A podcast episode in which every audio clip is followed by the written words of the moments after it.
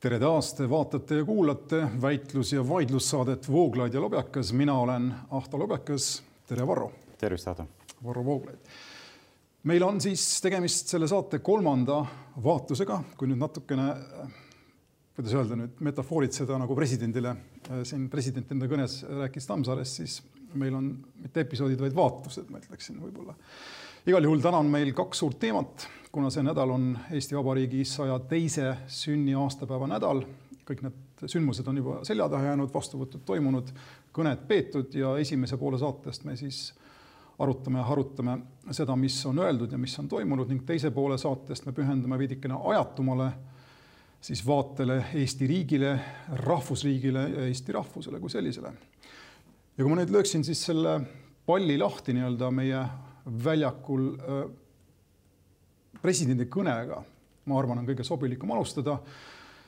mul on päris mitu asja öelda presidendi kõne kohta, aga et mitte ise hakata siin kohe kõnet pidama, siis ma ütlen väga lühidalt, mida ma, mis mulle kõigepealt ei meeldinud selle juures. Ja see on selle kõne väga metafoorseks minemine ning tunne, minu tunne vähemalt, et president otsib tänases väga keerulises muidugi poliitilises olukorras kaitset Anton Hansen Tammsaare laia selja tagant ja teatud mõttes näib see mulle vastutusest loobumisena. kuigi nagu ma olen päris kindel, sa nägid selles kõnes ka siit ja sealt väga teravaid nurki. aga jah, minu jaoks on probleemiks see, see kõige üldisem selline noh, kuidas öelda nüüd, kirjandusse taandumine, mis vastuseid ei anna kellelegi no ma võib-olla sõnastaksin seda isegi niipidi, et ole kirjanduse taandumine, vaid kirjanduse kasutamine kaitsekilbina justkui Anton Hamsen Tammsaare rakendada nüüd oma sellise ideoloogilise poliitilise positsiooni teenistusse ja luua selline olukord, kus edaspidi me peame siis Tõde ja õigust lugema ja seda filmi ka nüüd vaatama sellise võtmega, et no näed, Pearu, see on siis see EKRE ilmselt, eks ole. tubli Andres on nüüd siis ma ei tea, kes, eks ole, kas siin Reformierakond või sotsid või noh, opositsioon, eks ole minu meelest see on kokkuvõttes suhteliselt selline mage lähenemisviis, et äh, Tõde ja õigus, Tammsaare on midagi sellist, mida võiks ikkagi nagu minu meelest rohkem austada, mitte rakendada seda nii kergekäeliselt sellise poliitilise võitluse teenistusse. ja seda see kõne ju kahtlemata endast kujutas, poliitilise võitluse akti et ma arvan, et kõik inimesed, sõltumata sellest, kas neile see kõne meeldis või ei meeldinud, kas nad on president Kaljulaiu ütleme, sellised fännid või mitte, peavad nõustuma sellega, et pärast seda kõne ei ole meie ühiskondlikud pinged väiksemad, kui nad olid seda ennem ja meie rahvas ei ole ühtsem, kui ta oli enne, vastupidi, minu meelest see kõne lahutas, mitte ei liitnud. Äh, noh, me võime sellest pikalt rääkida, aga kõik need metafoorid, eks rohutirtsudest ja sipelgatest, mis on Krõlovi puhul noh, päris selge teada, mis on, üks on väga positiivne, teine negatiivse konnotatsiooniga ja Andresed ja Pearud ja nii edasi. ma tahaksin lõigata selle rohutirtsu osas siin praegu vahele, rohutirtsu metafoori osas äh, okei okay,, meil on siin Krõlovi valmiga tegemist ja ma saan aru sellest mõttest, rohutirtsud viiuldavad ja kogu nii-öelda talveks ja president üritab siin sellise jällegi suhteliselt kohmaka metafoori abil öelda, et Eesti riik peaks tegema pingutusi, iseenesest ma sellega ei vaidle, aga rohutirtsu metafooril on, on ju sügavamad juured ja noh, kasvõi täna, kasvõi tänagi on aeg-ajalt või siin paar nädalat tagasi ma lugesin uudiseid Aafrikast, kus taas tulevad rohutirtsu parved, eks, kes söövad ära kogu äh, rohelise vegetatsiooni ja tegemist on väga piibelliku motiiviga ja ausalt öeldes seda, seda kõneosa lugedes mul tekkis kohe mõte või selline vaimupilt sellest, kuidas president räägib EKRE-st, kes sööb Eesti lehise või sellise rohelise puu paljaks, tegemist on rohutirtsu katkuga. no põhimõtteliselt küll jah, ja ütleme, ei olnud ju vaja eriti palju fantaasiat aru saada, kellele ta viitab ja minule endale selline stiil üldse ei meeldi. et kui sul on midagi kellegi kohta konkreetselt kriitilist öelda, siis ütle nimeliselt, eks ole, näed, Ahto Lobjakas eksib selles küsimuses, eks ole, siin ta pani puusse, tegi valesti, nii edasi. mitte nii, et mõningad kommentaatorid siin Eesti vasemal tiival või liberaalsemal tiival on, eks ole, noh, kas ei julge siis nime öelda või? Siin on kaks, siin on kaks küsimust, kui president hakkab nimepidi inimesi hukka mõistma või ka kiitma, minu, minu pärast siin suurt vahet ei ole, siis ta teeb midagi riigi nimel.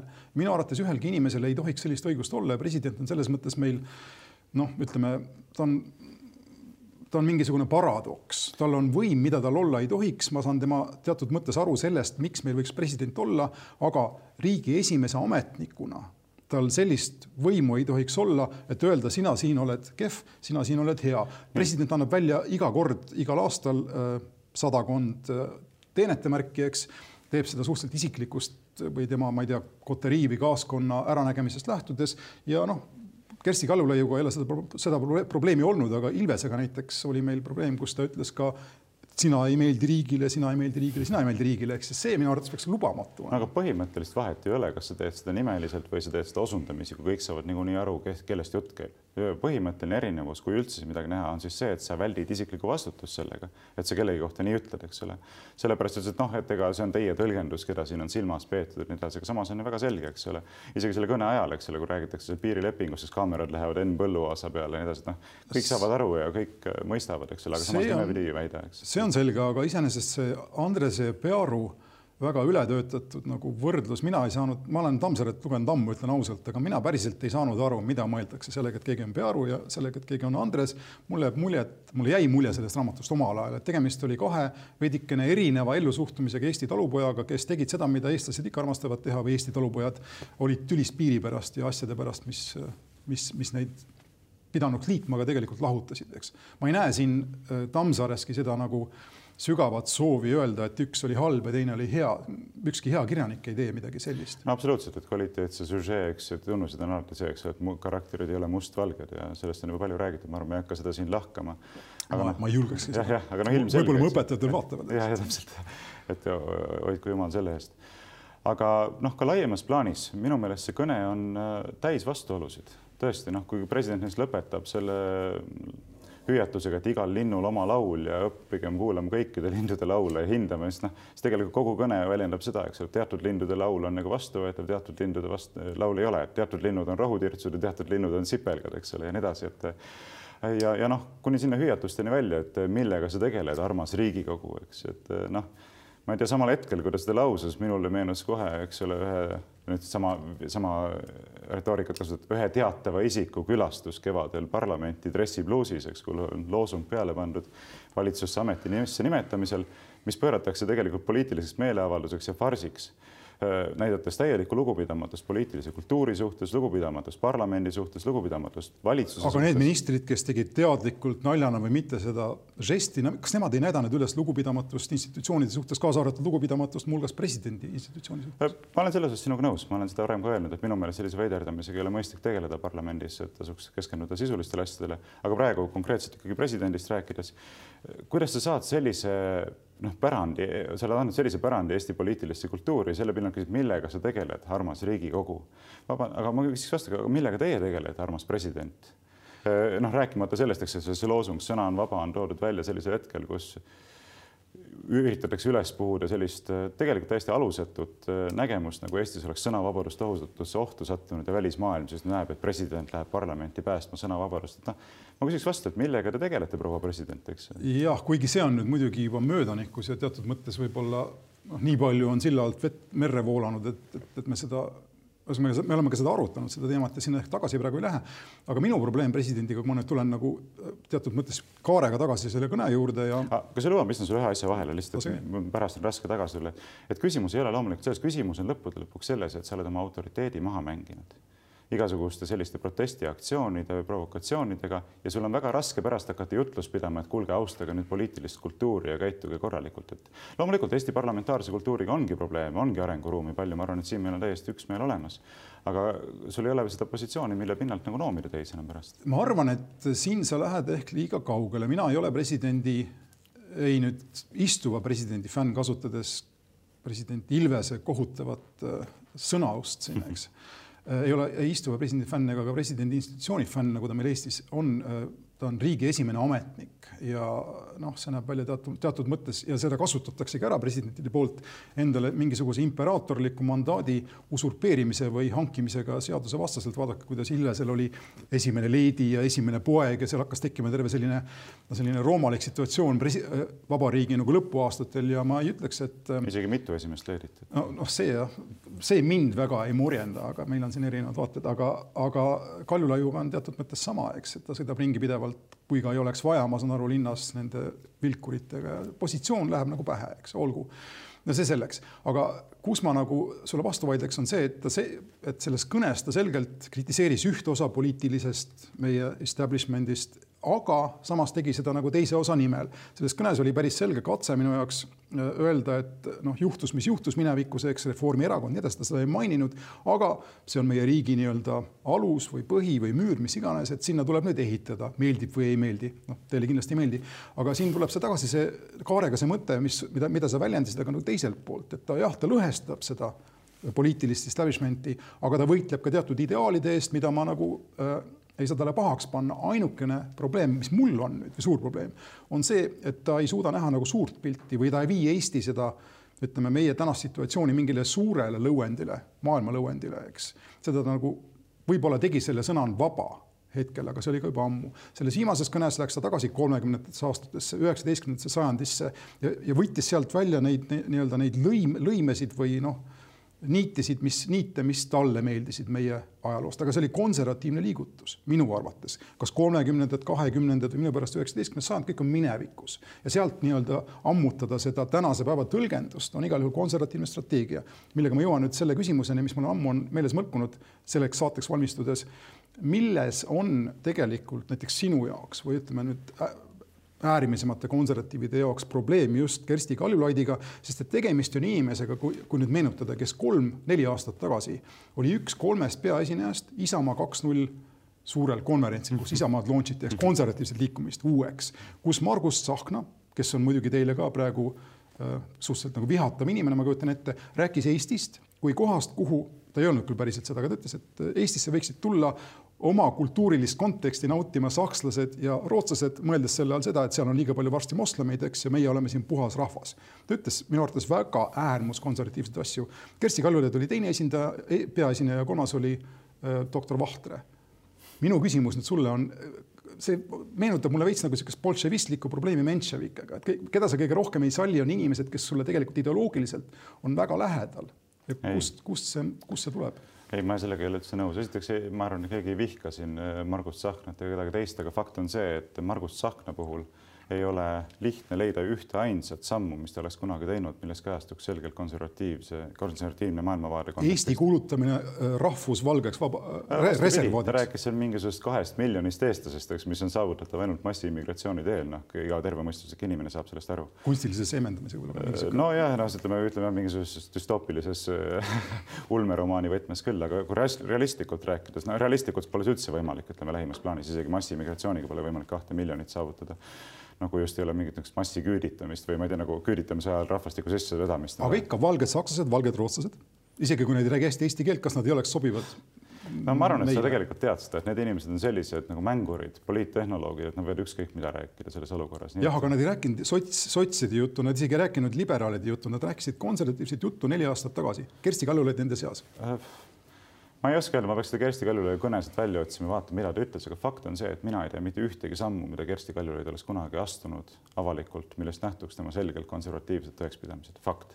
Et sa võid küll seostada teda siin e-, selle IRL-i toonase Margus Tsahkna projektiga, seal ei ole mitte midagi konservatiivset, et selles mõttes on väga hea, et Margus Tsahkna ja Mihkelson ja kõik teised, kes pole mitte üheski mõõtmes konservatiivid, Eerik-Niiles Kross ja teised, on leidnud oma kodu mujal, sellepärast et tegelikult Isamaal on see ainult kasuks tulnud niivõrd, kui me käsitleme Isamat tegelikult rahvus rahvuslik konservatiivse erakonnana. ma tulen tagasi ühendada tähelepaneku. ma tahaksin lõpetada selle mõtte ära, et nüüd sa mainisid, et miks siis äh, ollakse nende vastu, seda on siis esimene punkt, et tegelikult ei ole mitte midagi konservatiivset selles seltskonnas, lihtsalt ei ole. nii. ja nüüd äh, teine punkt on see, et millega ma noh, ei saa nõustuda, korrates oma eelnevat mõtet ikkagi on see, et äh, president ikkagi positsioneerib ennast väga selgelt opositsiooniliidrina selles tegevuses, kui sa vaatad ka seda kõnet, seal ei ole mitte mingisugust äh, ühtegi sammu, mis kuidagi tunnustaks koalitsiooni ettevõtmisi mingis aspektis, kuidagi avaldaks omapoolset poolehoidu ja näete, siin on väljendatud astutud samme, mis väljendavad rohkem konservatiivset poliitikat, nii edasi, et selles kõnes tähendab küll mitte kuidagi see välja ei tule. aga las ma küsin vahele, ma ei jälgi Eesti meediat, aga mul on kusagilt Facebooki vahendusel jäänud meelde mingisugune tsitaat Monika Helmelt kellelt küsiti mingis intervjuus, aga mida siis on teinud see koalitsioon ära peale alkoholiaktsiisi langetamise ja vabandust, kui ma nüüd prouale liiga teen, aga järgnes vaikus. mida oleks saanud president selle koalitsiooni saavutuste seas kiita, kui sa tuled nüüd konservatiivse agenda juurde, et on muutunud toon ja nii edasi ja see on selge, eks, siis minu küsimus, järgmine küsimus või järgmine nii-öelda vastuväide või ausalt öeldes siis ka toetus presidendile antud juhul,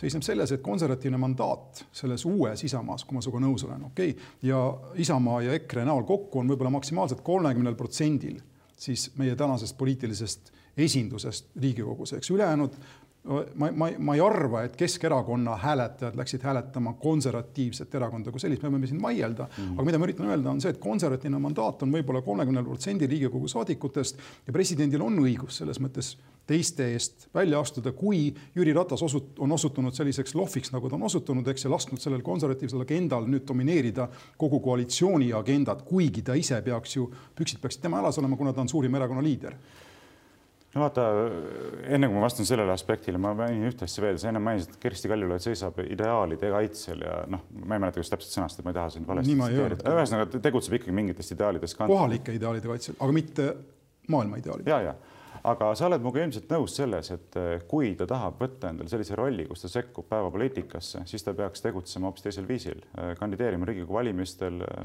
püüdma saada mandaati ja siis osalema parteipoliitikas. praegune platvorm, presidendi institutsiooni põhiseaduslik platvorm ei võimalda sellise päevapoliitikaga tegeleda, siin ta selgelt ületab oma võimupiire. ma täiesti olen nõus, ütlen okay. sulle sulgudes vahele selle, et kui ta ära valiti, mina nii palju, kui see midagi väärt on, ma kirjutasin sinna, kuhu ma vähegi jõudsin, et Siim Kallas on ainukene legi-, oleks kõige legitiimsem president läbi selle protsessi, mis toimus, sest et tal oli kõige suurem toetus valimis, vali, valijameeste kogus, eks. protsessi loogikast lähtudes ma olen sinuga täiesti nõus. aga nüüd tulles tagasi selle juurde, mida sa siin hetk tagasi osutasid, võib-olla meenutad korra ühesõnaga, mina ei saa aru, kuidas äh, sinu jaoks on ühiskonna lõhestamine see, kui president osutab kasvõi läbi lillede sellele, et seitsekümmend protsenti Eesti elanikkonnast tegelikult ei valinud konservatiive, ei andnud mandaati konservatiivseks poliitikaks tänasele valitsusele. no kuidas öelda, esiteks ma olen sinuga nõus selles osas, et väärtus, väärtuspõhistes küsimustes vähemalt on senise aasta jooksul, noh, peaaegu aasta jooksul see valitsuse ajal üsna vähe ära tehtud et ei ole väga palju ette näidata niisuguseid suuri saavutusi. aga noh, kui konkreetsetest asjadest rääkida, siis üks asi võiks olla, mis on selge liigutus konservatiivses suunas, on pensioni teise samba reform. eks anda inimestele vabadus ise otsustada selle üle, kuidas endale sääste koguda, kuidas oma äh, välja teenitud tulu kasutada, eks ole. see on tegelikult väga selge, et ütleme, konservatiivne positsioon selles mõttes, et riik ei saa ette dikteerida, mida meie oma varaga teeme, vaid see... me otsustame selle üle ise. ja see on sorry. ainuke punkt, mida president, eks ole, väga teravalt kritiseerib, andes muuseas ka selles samas kõnes mõista, et tema tema opositsioon sellele seadusemuudatusele, reformile ei ole tegelikult seotud ainult põhiseadusliku vastuoluga, vaid talle lihtsalt ei meeldi see reform poliitilises plaanis, sest osutab see sellele, et noh, et see ei ole vastutustundlik niimoodi lõhkuda ära neid struktuure, mis on mõeldud tuleviku kindlustamiseks ja nii edasi nagu. no mina kaldun siin nõustuma presidendiga selles mõttes, et ma olen liberaal ja ma olen nõus sinu üldise mõttekäiguga, et inimene peab ise otsustama enda raha kasutamise üle, aga minu arvates riigil peab olema selline eelhooldev funktsioon. ma ei usu, et inimesed oleksid võimelised kõik ja peaksin neilt ootama seda, et nad valmistuksid enda vanaduspõlve, valmistaksid enda vanaduspõlve ette noh, nagu see oleks homme, eks inimene ei ole selline loom, kes kes seda oskab niimoodi teha ja riigil on vastutus nende inimeste eest seista, kes muidu satuksid noh, ma ei tea, kas ära sureks, mis iganes, see on hoopis omaette no, vaidlus. aga ma tahan tegelikult jõuda siin konservatiivi, konservatiivsusest rääkides äh, ühe nagu mõtte juurde, mis mul on, mis mind on ka aeg-ajalt piinanud, võib-olla, et ma ei ole jälginud, kui ma väga aus olen nüüd seda, mida täpselt räägivad EKRE äh, isa ja poeg Helmed ja nii edasi, eks. aga sinu puhul ma olen tähele pannud, et, et sinu positsioonid on teatud ulatuses väga noh, ühtepidi võib öelda võib-olla sellised äh, luterlikult uustestamentlikud, eks Äh, igaüks iseenda eest ja nii edasi, aga teistpidi ka suhteliselt nagu neoliberaalsed ja mul lihtsalt tekib selline nagu paralleel, et kunagi, kui Ansipi all Reformierakond otsustas, et nad üritavad haarata paremalt poolt ümber rahvuslusega Isamaad, siis nüüd on konservatiivses liikumises, äärmuskonservatiivses liikumises elemente, kes nagu sina üritavad Reformierakond ümber haarata neoliberaalselt teemalt, sest et see, mida sa ütled praegu pensionite kohta, on väga neoliberaalne mõttekäik. inimesed, keda mina enda noh, ideoloogilises nii-öelda minevikus olen tundnud või, või keda ma olen lugenud, ütlevad midagi samalaadset, on libertaarlased Ameerika Ühendriikides, kes on, kes on inimesed, kes, kes põhimõtteliselt on läinud föderaalvalitsuse vastu kohtusse tõestama, püüdes no. tõestada, et makse, makse nõuda ei ole riigil õigust ei, sul on selles mõttes õigus, et minu vaated selles mõttes ongi väga äh, erinevad paljudest teistest, kes on tegelikult pigem rahvuslikult ja vasakpoolselt meelestatud, et see on ka täiesti laialt levinud positsioon, eks ole, selline rahvuslik, aga vasakpoolne, et ega Eesti konservatiivsetes ringkondades on see ka täiesti olemas ja ma tunnistan, et mul nende inimestega selles osas puudub äh, ühisosa. aga ma ei tahaks praegu kõrvale ei, aga kõik, kes pensionireformi tänasel kujul toetavad, on libertaarlased. Ehk siis neoliberaalid hullemalt veel, kui minu arvates Reformierakond kunagi on seda olnud. no ütleme, see on eraldi vaidlus, et ma ei tahaks praegu sinna kalduda, me võime selle juurde ilmselt tulla, kui see pensionireformi temaatika uuesti nagu teravamalt päevakorda tõusetub, aga ma tahaksin öelda selle presidendi kõne ja presidendi institutsiooniga seonduvalt ühe palju põhimõttelisema asja ja ma usun, et siin me võiksime ka ühisosa leida, et tegelikult Eestile ei ole sellist institutsiooni üldse vaja. ja see on üldse ka, ka nagu kuidagi tabuteema et sellest ei taheta rääkida, et meil on üks põhiseaduslik arhitektuur ja ärme nüüd selle üle arutama hakka ja nii edasi, aga, aga olgem ausad, minu positsioon on selles küsimuses vähemalt väga selge. sellisel kujul presidendi institutsiooni tõesti vaja ei ole. seda veendumust on süvendanud Kersti Kaljulaiu tegevus ja enne seda Toomas Hendrik Ilvese tegevus, aga see ei ole seotud nende isikutega tingimata, see on põhimõttelisem tähelepanek presidendil oleks mõtet niivõrd, kui ta on otse valitud rahva poolt ja ta reaalselt tasakaalustab parteilist võimustruktuure, olles otse valitud, mitte läbi parteiliste struktuuride. või teine variant, tuleks ta lihtsalt ära kaotada, sellepärast et presidendil ei ole ühtegi põhiseaduslikku funktsiooni, mida ei saaks täita mõni teine institutsioon. ma olen sinuga täiesti nõus, aga praktiliselt kõikidel teistel põhjustel, kui ma nüüd väga kohmakalt tõlgin ühe ingliskeelse mõtte siin, põhimõtteliselt presidendi institutsioon, ma olen ka ise kirjutanud ja üritanud äh, argumenteerida äh, on Eesti jaoks mitte vajalik äh, põhjusel, et inimene, nagu ma üritasin ka viidata siin varem, et inimene, kes sellesse satub, hakkab käituma riigivanemana väikse tähega. temas noh, nagu president, president Ilves üritas anda mingisugust positiivset kehastust nagu ma ei tea, rääkides siin kirjandusklassikast Oskar Lutsu Köstrile, eks nagu oleks Köstri Ameerikast tulnud vennapoeg, eks, aga põhimõtteliselt sama inimene. sellist inimest riigi nagu noh, kuidas öelda nüüd esimese mehena näha milleks üldse selline esimene mees ja samamoodi esimene naine, meil on suhteliselt matroneeriv president praegu, jällegi ma ei näe sellel mingisugust mõtet, kuna tegemist on riigi esimese ametnikuga, kui sa loed põhiseadust, ta on ametnik mm.. ja selles mõttes ma olen sinuga nõus, aga võib-olla siis valedel põhjustel. ma arvan, et meil oleks mõtet presidendil, kes suudaks, kellel oleks positsioon, et moraali lugeda.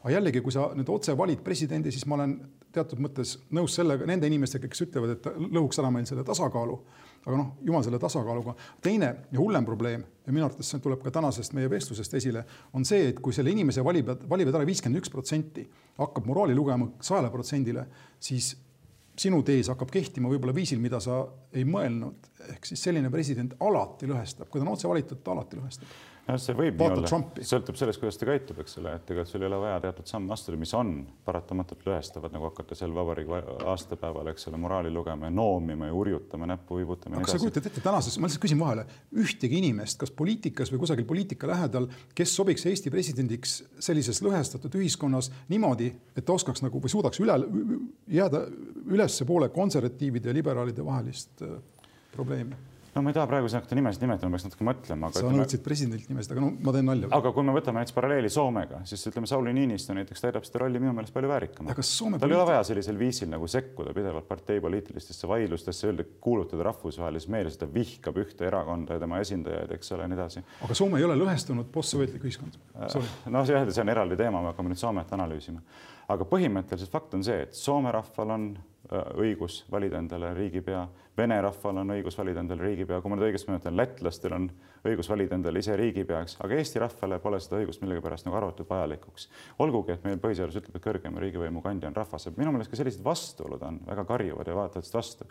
ja kui me nüüd räägime autoriteedist, ütleme, kui president oleks saanud rahva enamuse toetuse oleks otse valitud ja saanud rahva enamuse toetuse, siis mul oleks palju lihtsam leppida sellega, et ta loeb moraali kui on..., kui eh, olukorras, kus ta on sisuliselt määratud parteide tagatubade kokkuleppel ja tal puudub igasugune tõsiseltvõetav demokraatlik mandaat. selle lõpuosaga ma ei saa üldse vaielda, ma olen täiesti nõus sellega, et tänane president pandi, pandi paika eh, tagatoa poolt, ta on eh, Heiki Nestori kreatsioon, teatud mõttes kreatuur, kui nii tohib öelda kes esindas seda konsensust, mis ei olnud avalik, aga tulles tagasi ikkagi sellesama rahva enamuse ja, ja selle noh, ühesõnaga mandaadi teema juurde, siis isegi kui presidendi valib ära enamus valijatest, ma lihtsalt sotsioloogina, kunagise sotsioloogina meenutan sulle, ei tähenda see reeglina lõviosal juhtudes seda, et tal oleks rahva enamuse toetus, sest osalus, osalusprotsent on oma, eks. ei, see on tõsi, aga, aga no ütleme printsipiaalselt saab minuga ilmselt nõus, et kuskilt peab inimesele nagu see moraalne autoriteet tulema. aga mina tahaks, et ta oleks nagu kohtunik, mitte enamuse baasilt, sest et enamus võib muutuda, enamus on selline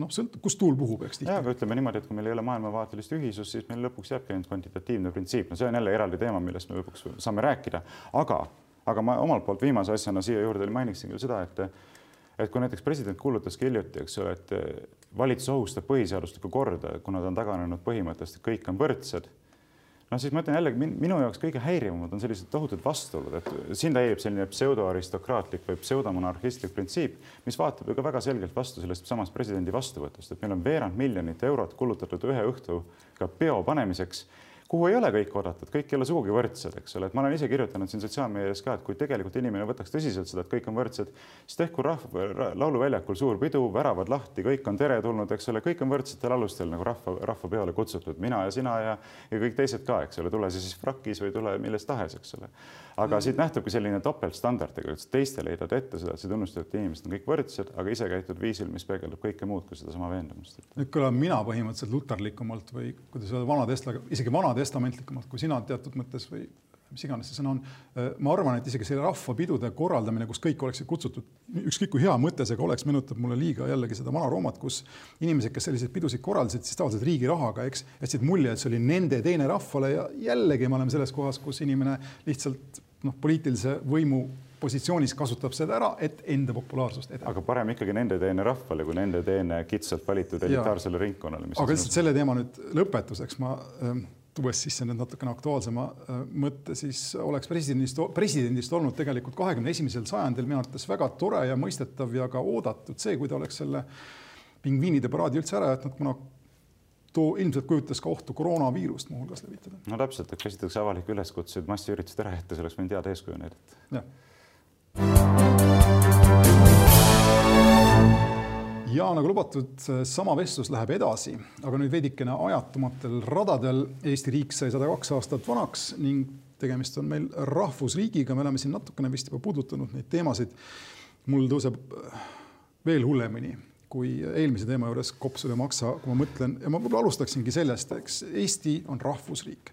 meie, sina oled jurist, meie konstitutsioonis, põhiseaduses on kirjas siin rahvas, seal rahvus, siin rahvas, seal rahvus, kõrgema võimu kandja on rahvas, eks kõrgemat võimu tuleb kanda rahvuse huvides. kas sa näed siin mingisugust piiri, kas sa näed siin sellist nonsensi või absurdi? mulle tundub, et rahvas on need inimesed, kes on Eesti piirides volitatud olema kodanikud, aga ka tingimata noh, kohalikel valimistel on ka mittekodanikud saavad osaleda, kes on meil äh, alalised elanikud, eks. Äh, milleks üldse rahvus sellele riigile, minu arvates rahvus on see kõige suurem ankur, mis Eestit mitte paigale ei hoia, vaid alla kisub vales suunas sinna minevikku, mitte tulevikku. eks siit koorubki välja üks selliseid väga tõsiseid vastuolusid, mis minu meelest iseloomustab neid pingeid, mille keskelt me täna ennast leiame siin poliitilises olukorras, nendes vaidlustes. ja mina näen seda asja sedapidi, et põhiseadus, võiks öelda, toetub kahele sellisele suurele sambale, millest üheks on rahvusriikluse printsiip ja teine on tegelikult, olgem ausad, selline liberaalne printsiip eh, koos oma institutsionaalse struktuuriga, põhiõigustega, valimistega ja nii edasi, demokraatia printsiibi, kõige sellega, eks. kas sa, kas sa nagu kipud nüüd viitama sellele, et üks välistab teise või? see oleks väga huvitav. ma kipun viitama sellele, et üks eh, tasakaalustab teist või neid tuleb, ütleme, käsitleda, ütleme, taburetijalad ei välista teineteist ega ei vastanud teineteisele, aga nad on kõik vajalikud selleks, et hoida üleval ühte struktuuri, mis on mõeldud toetama erinevatele jalgadele, eks. ja mida ma nüüd näen, ühelt poolt liberaalide kriitika paistab seisnevat selles et äh, rahvuslikult meelestatud inimesed tahavad teha nagu väikest natsiriiki, eks ole, et absolutiseerida seda rahvusriikluse printsiipi äh, liberaalse printsiibi arvelt siis, jätta kõrvale põhiõigused, jätta kõrvale demokraatlikud äh, protsessid, jätta kõige kõrvale institutsioonide olulisuse, kõige selle. ja teiselt poolt rahvuslikult meelestatud inimesed ütlevad, et aga vabandust, aga teie liberaalid või need, kes te nimetate vähemalt ennast liberaalideks, olete lahti öelnud ju rahvusriikluse põhimõttest, mis on põhiseaduses samal ajal väga olulisel kohal, ütleme juba preambulis esile toodud, et Eesti riigi peab, Eesti riik peab tagama eesti rahvuse, keele ja kultuuri püsimise läbi aegade. et eh, noh, kui ma nüüd teeksin torke sinu poole, siis ütle nüüd mulle ausalt, et kas sa tegelikult tunnistad seda, et see on ka üks olulistest printsiipidest, millest tuleb lähtuda Eesti riigielu korraldamisel? ma ütlen sulle äh, ei selle peale ja ma nüüd üritan äh, argumenteerida. see mulle sinu juures meeldibki, et sa vastad ausalt ei, ma jah, mul ei ole nagu jah, ühesõnaga ilmselt me sellepärast siin oleme, et me, et me seda tennist mängime suhteliselt ühtemoodi, kuigi väljaku eriservadest. aga äh, jällegi ma, esimene mõte, mis mul tekib, ei olegi tegelikult selline filosoofiline, äh, võib-olla igav, abstraktne sihuke soov midagi sulle siin keerutada, aga lihtsalt ma küsin küsimuse vastu teatud mõttes. illustreerimaks, miks ma arvan, et see rahvusriikluse printsiip ja rahvusele rõhumine on absurdne. meil oli siin viis aastat või kuus aastat tagasi olukord, kus presidendiks oli juba täna nimetatud Toomas Hendrik Ilves, kes on eestlane.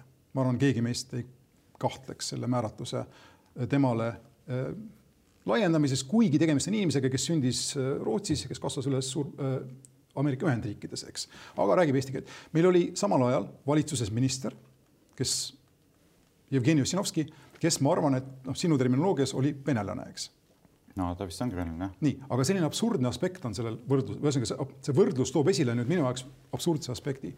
Äh, Jevgeni Ossinovski eesti keel oli tunduvalt parem, on tunduvalt parem kui Toomas Hendrik Ilvese eesti keel. ometi üks on eestlane ja teine on venelane.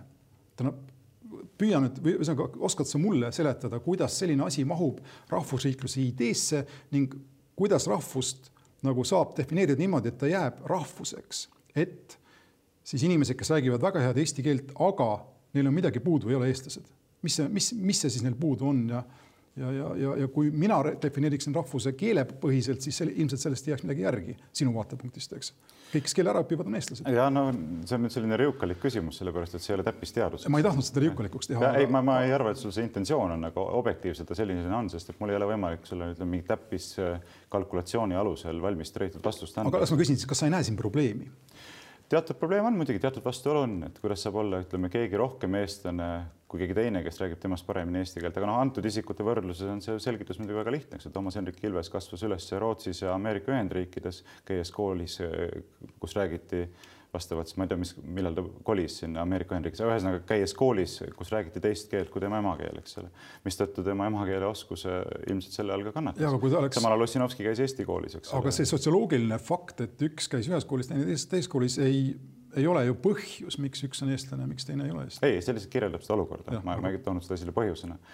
loomulikult küsimus on, eks ole, et võib-olla ka ütleme keegi, kes on Eesti vanemate perre sündinud, kasvanud üles Ameerika Ühendriikides, kodus mindi üle juba inglise keelele, eks ole, ta on etniliselt eestlane, aga võib-olla ta ei oska üldse eesti keelt. sellist, ma tean isegi Soomes selliseid inimesi, esimene põlvkond on kolinud Soome, see on minu arust kohutavalt traagiline ja on loobutud kodus lastega eesti keele rääkimisest ja lapsed on praegu tead teismelised ei oskagi eesti keelt rääkida. mul on kohutav kiusatus nüüd vahele küsida, vabandust, aga kas sellised inimesed, kes nagu sa ütlesid, on etnilised eestlased, aga on kaotanud sideme enda, ma ei tea, emamaa või mis iganes kultuuriga, kas rahvusriigi üks kohuseid ei peaks olema need inimesed ära päästma, ära päästa? no miks päästa, eks inimestel on oma vabadus, kuidas oma elu elada, et kui nad, kui nad järsku ei tea, see on niisugune marksistlik mõte, eks tegelikult teil on või noh. see konservatiividele väga omane ei ole. vale teadvus. minna jõuga päästmine, see on pigem selline vasakpoolne idee, eks ole aga, aga ütleme niimoodi, et sinu küsimuse kokkuvõtteks ma ütleks, et loomulikult ütleme, hinnates seda, kas keegi on eestlane või mitte, keel ei ole ainukene komponent, just nagu ei ole ka etniline päritolu ainukene komponent, eks ole, siin on mitmeid komponente, mida tuleb vaadata koostoimes. ja, ja ütleme selles mõttes, sinul on praegu jõupositsioon, et sul on hea küsida niisugust küsimust, mis eeldab nagu täpset vastust, aga minul on võimatu seda täpset vastust anda. seda ma, seda ma tunnistan, aga kuna me räägime rahvusest, siis ikkagi mingil tasandil sa pead olema enda jaoks selgeks teinud ju selle, mis need komponendid on, ma ei, ma ei taha nüüd ammendavat loetelu, aga näiteks doktor Vahter arvab, mulle tundub aeg-ajalt, et see on söögikombed, aga see on see ei ole minu arvates väga etniline, eks noh, ilmselt on ka igasugustel kultuurilistel faktoritel oma roll siin mängida, ütleme, et eh, mida tähendab eestlaseks olemine, see on ilmselt eh, mitte ainult etniline kontseptsioon, mitte ainult keeleline kontseptsioon, vaid ka kultuuriline kontseptsioon, eks ole, et sa teatavas mõttes oled eh, läbi imbunud sellest kultuuriruumist, nendest tavadest, normidest, traditsioonidest, tõekspidamistest, ideaalidest, millest moodustab, ütleme, Eesti kultuur. kas ma tohin öelda niimoodi, et sa oled konstrueeritud eestlaseks? Konstrueeritud eestlaseks, ma ei usu, ma arvan, ma ikkagi olen sündinud Eesti kultuuriruumi ja kasvanud. aga kultuur on sind konstrueerinud, sa võid olla ka sündinud näiteks moslemina Eesti kultuuriruumi ja sa võib-olla ütleksid, et äh, selline inimene ei oleks eestlane, eks? ei no kahtlemata mingil määral kultuur meid kõiki konstitu-, konstitueerib, see on selge, me kasvame teatud kultuuriruumis ja võtame omaks selle kultuuriruumi, sellest kultuuriruumist tulenevad omadused, see on, see on tõsi, loomulikult aga ma arvan, et see ei ole peamine küsimus, mul läheb natuke niisuguseks ülekuulamiseks siin. ma saan aru, aga pööraksin... ma, oota lihtsalt, et ma lõpetan enda mõttekäigu, mõttekäigu ära, kuhu ma tegelikult välja tahtsin jõuda, on see, et näha, mis ja kas sa ütled midagi selle kohta, kas eestlane võib olla tumedanahaline, kas eestlane võib olla moslem, kas eestlane võib olla noh, igatpidi eestlust mitte nagu hindama nagu mina näiteks, eks. muidugi võib olla miks ei või, ütleme vähemalt moslem võib ta kindlasti olla, miks ei või, kui ta, ta ollakse islami usu, siis ta on eestlasest moslem aga mustanahaline? põhimõtteliselt küll, ma ei näe sellega selles mõttes probleemi, et äh, näiteks minul on hea sõber Raimondo Laikre, kes on noh, mitte ta ei ole noh, mulett, eks ole, väga sümpaatne inimene, väga eestimeelne, väga tore, hea mees ja mul on täiesti tülgastav see, kui keegi hakkab tegema mingisuguseid rassistlikke osutusi sellele, et tema ei ole nüüd õige eestlane või mida iganes, eks ole.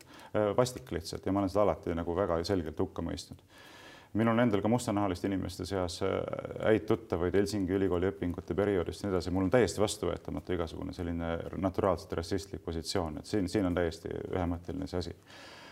aga äh, samal ajal, millele sina osutad, on see justkui ütleme, kultuuriline komponent polekski siis nagu selles mõttes oluline ja etniline komponent, need on ka olulised. loomulikult, et ütleme, ütleme üks komponent võib sinu identiteedis olla tagasihoidlikumalt esindatud kui teine aga see ei tähenda, et need teatud komponendid poleks üldse olulised. loomulikult etniline komponent on oluline, rahvusriik, et ma arvan, me ei pea seda häbenema. ja vastupidi, minu meelest tuleks kriitika asetada hoopis nende peale, kes ütlevad, et rahvusriigi printsiip on midagi sellist, mis on noh, ütleme olemuslikult kuri, olemuslikult halb ja midagi sellist, mida me ei peakski järgima. ta ei ole, loomulikult pole ta olem, olemus. aga, aga ma toon sulle näite näiteks, kuidas seda kommenteerida, sama sinu poolt juba mainitud Jevgeni Ossinovski, eks kuulsusrikkalt kuulutas, et etniline rahvusriik on ebainimlik ja ohtlik düstoopia. no selles mõttes, et Euroopas ta on viinud ju meie tead, teadaoleva ajaloo kõige hullemate inimsusevastaste kuritegudeni ja sinna pole midagi parata, see on etniline puhastamine on ju pärit no ma julgen kahekümnenda sajandi algusest. isegi selline vasakpoolne kommunistlik režiim Nõukogude Liidus on teinud hullemat kuritööd. aga kui... mitte etnilist otsest, vaid see on sihuke, ütleme see, mida Stalin. seda küll, aga siis vastuseks sinu väitele, et see on kõige hullem režiim. aga kes, aga mille pärast mindi sõtta ja on mindud sõtta päris pikk, üldiselt kogu uusaja raames on ikkagi keelelised nii-öelda rahvuslikud piirid ja nende laiendamine või nende siis õgvendamine, eks on. iga printsiipi on võimalik moonutada sellisel viisil, et see pöördub iseenda vastu ja muutub omaenda karikatuuriks. absoluutselt iga printsiip. me võiksime siin muidugi muidugi nüüd lõputult vaielda ja siis ühesõnaga mina ütleksin sulle mingil hetkel, et näiteks Austria-Ungari, enne kui me jõudsime kahekümnendasse sajandisse, Austria-Ungari oli suhteliselt noh, olemasolevatest parim äh, näide sellest, kuidas on võimalik seda rahvusriiklikku, rahvuslikku impulssi kenasti kontrollida ja see lahendus on imperiaalne. seal oli Tšehhi kultuur, seal oli Slovakki, ma ei tea, kas slovakikeelseid asju oli, aga igal juhul kõik need väiksemad. slovakid jääksid ilmselt nagu lugupidavalt eriarvamusele. jah, kindlasti, aga ma ütlen, et selles mõttes, et, et, et mida vähemalt ei olnud, ei olnud seal äh, noh, seda, mis täna Venemaal toimub, seda, mis toimus äh, Natsi-Saksamaal ehk siis katset ühte, mis toimus tegelikult ka Prantsusmaal väga liberaalsetes osaliselt liberaalsetes tingimustes, kõik vähemuskeeled ja vähemusrahvused söödi välja, eks tsentraliseeriti riik, aga sina oled nõus, et see ei olnud hea asi aga samas rahvusriigi kohta sa tundud mulle ütlevat täpselt sedasama, et väikestes Eesti piirides teeme Prantsusmaad, teeme Saksamaad, teeme Venemaad. sa võrdled täiesti erinevaid asju, sa ühelt poolt võtad see... multirahvuselise impeeriumi konteksti, teiselt poolt sa võtad reaalselt. ei no Prantsusmaa. Eesti rahva etnilise põlisala, eks ole, mis on rahvas... etniliselt homogeenne, ütleme võrdle. aga mil, okei okay,, mis hetkest ta sai etniliselt homogeenseks? suhteliselt homogeenne, see on jälle suhteline küsimus. kas ta oli näiteks ka kolmteist sajand, kui tulid sakslased, kas ta oli homogeenne, kas noh, me muidugi väga kindlalt ei tea seda, aga näiteks ma ei tea, Ugandi ja Virumaa, mida nad jagasid, seal oli vahel tükk maad metsa, eks kõrbe, nii-öelda kõrvemaad no.. Äh, kus see, kus see etnos pärit on, etnos on ka uusaegne mõiste, etnos on samast kohast pärit, kus on indiviid pärit, ehk siis kusagilt sealt Descartesist ja uue aja algusest. ma ei ole sellega päris nõus, ütleme, etnos on ikkagi midagi palju sügavamate juurtega, ütleme, eesti keel eksisteeris ammu enne. Eesti keel on kombinatsioon. lõunaeestlased oleksid sinuga täiesti eri meelt, kui ma sind tohin niimoodi parafraseerida selle osas, kelle sõideti üle kaheksateistkümnendal sajandil, kui tehti esimene viibel, tehti esimene tõlge, normeeriti keel, eks. ühe kultuuri kultuuri raame, ühe kultuuri raames on loomulikult erinevusi, aga ütleme laiemas pildis vaadatuna ikkagi see on üks ja sama keelkond ke,, ütleme võib rääkida küll sellist asjast nagu eesti keelest, selle erinevates väljendustes, erinevates ilmingutes. kas sa arvad, et kolmteist? selle printsiibiga üldse nõus ei ole, et see on viisteist sajand, kas sa arvad näiteks, et viisteist sajand, ütleme üleminekud eri, erinevalt Eesti dialektidelt lõuna suunas liivi keele, liivi keeleni välja, kas need üleminekud tõmbasid liivi keele juurde piiri ütlesid, siinpool on eestlased, sealpool on liivlased? see kindlasti ei ole selline täppisteaduslik küsimus, millele saab sellisel viisil vastata. aga ma tahangi öelda, et see järelikult on ikkagi kõik üle, üle, ülevalt poolt normeerivalt kehtestatud, tsentraliseerivalt kehtestatud ja see on väga uusaegne fenomen. sellepärast ma olen rahvusriigi peale nii kuri no ütleme, sa võid seda olla ja see on eh, sinu valik noh, ma arvan, et see on legitiimne positsioon, eks keegi ei eita, et sa võid sellist positsiooni kanda, aga millega tekib minu meelest suur probleem ja absoluutselt, see on selge, eks ole. aga millega tekib suur probleem, on see, kui sa hakkad eitama seda, et Eesti riigi elukorralduses tuleb lähtuda rahvusriigi printsiibist, sellepärast et põhiseadus sätestab selle Eesti riigielu korralduse ühe alusprintsiibina. sellega ma ei saa nõustuda ja ma arvan, et sul on õigus sellist seisukohta omada ja väljendada, aga ma arvan, et sul ei ole õigust sellist asja nõuda, et Eesti riigis seda kõvasti korraldatakse, sest vastasel juhul sa lihtsalt eitad Eesti riigi põhiseaduslikku alusarhitektuuri. kui sa tahad seda teha, sul on õigus algatada protsess selleks, et muuta põhiseadust, võtta vastu uus põhiseadus, kust arvata välja rahvusriikluse printsiip, aga on ebaaus teha nägu ja teeselda, et seda printsiipi seal ei ole ja, ja just nimelt seda paljud minu meelest teevad, seda teevad, seda teeb Ossinovski, seda teevad liberaalid, sotsid laiemalt, eks ole. justkui rahvusriikluse printsiip enam ei kehtikski, pole võetud vastu mingit põhiseaduse muutmise akti, pole võetud vastu mingisugust põhiseaduse täiendamise akti, mis ütleks, et vaadake, see preambulas öeldud, et Eesti riik peab tagama Eesti Äh, rahvuse, keele ja kultuuri püsimise läbi aegade. Enam ei kehti, see kehtib ja te peate ka sellega arvestama.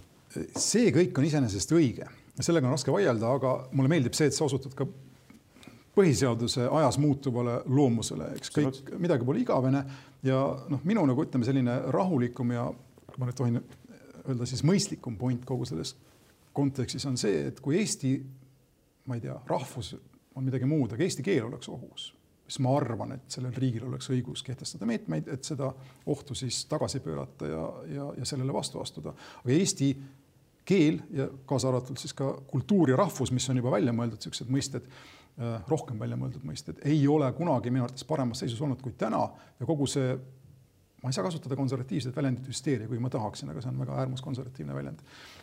Teie inimestele meeldib seda kasutada, aga ühesõnaga, aga kogu see, kogu see, kogu see, kogu see trall selle ümber on minu arvates äh, mõttetu. ühesõnaga, tal ei ole mõtet selles mõttes, et eesti keelt ei ähvarda mitte miski täna. ei ähvarda ei vene keel, ei ähvarda minu pärast mingi kosmopoliitsus ja nii edasi. aga ma tahan siin jõuda tagasi nüüd ringiga siin selle saatuse algusse teatud mõttes üritada ära siduda need mitu asja korraga. kuulan sind ja mulle tundub, et kui sa oled eelnevas kõiges olid sa väga, ma ütleksin, neoliberaalne või libertaarne, siis keele osas Eesti kultuuri ja rahvuse ja nii edasi osas sa järsku keeldud tunnist, tunnistamast sedasama liberaalset printsiipi.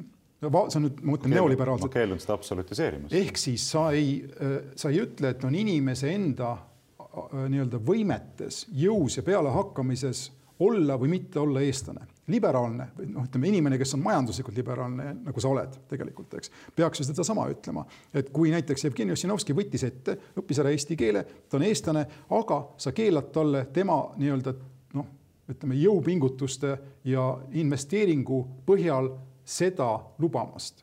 Sa ütled, et eestlaseks saamist, sa ütled, et sa ütled, et on mingisugused varasemad, mingid põhimõttelisemad, kultuurilisemad mitte individuaalsed printsiibid, mis järsku selles mm -hmm. kontekstis ei luba ühel inimesel enda pingutuse viljana saada eestlaseks, sellest ma aru ei saa. ma ei, absoluutselt ei ole sellisel positsioonil, ma arvan, et sa praegu esitad minu positsiooni valesti. ma täiesti tunnistan, et Jevgeni Ossinovskil on õigus saada Eesti kodanikuks ja ma väga tunnustan seda, et ta on õppinud väga ilusasti ära eesti keele eeskujulikult, võiks paljudele teistele venelastele olla eeskujuks selles osas. aga mitte eestlaseks? ei, aga eestlaseks ütleme kultuuriliselt laiemas mõttes tuleb kasvada, see on põlvkondadeülene protsess, ei käi nii, et tegi nipsu ja nüüd ma olen. aga järelikult tema indiviidina, sõltumata sellest, mida ta tahab või oskab või suudab teha, jääb alati teise klassi kodanikuks. kuidas see on aktsepteeritud? ei, ma ei ütle teise klassi kodanik, et... kodanikuna on tal ju võrdsed õigused. aga preambul ütleb, et temagi venelasena peab kaitsma eesti keelt, kultuuri ja rahvust. absoluutselt ja ütleme, siin on heaks näiteks Ivan Makarov, äh, väga meeldiv, sümpaatne inimene, kes on ka etniline venelane, aga samal Eesti kodanik ja Eesti patrioot ja ütleb jah, mina tunnistan seda, et Eesti riik on ennekõike eestlaste rahvuskodu.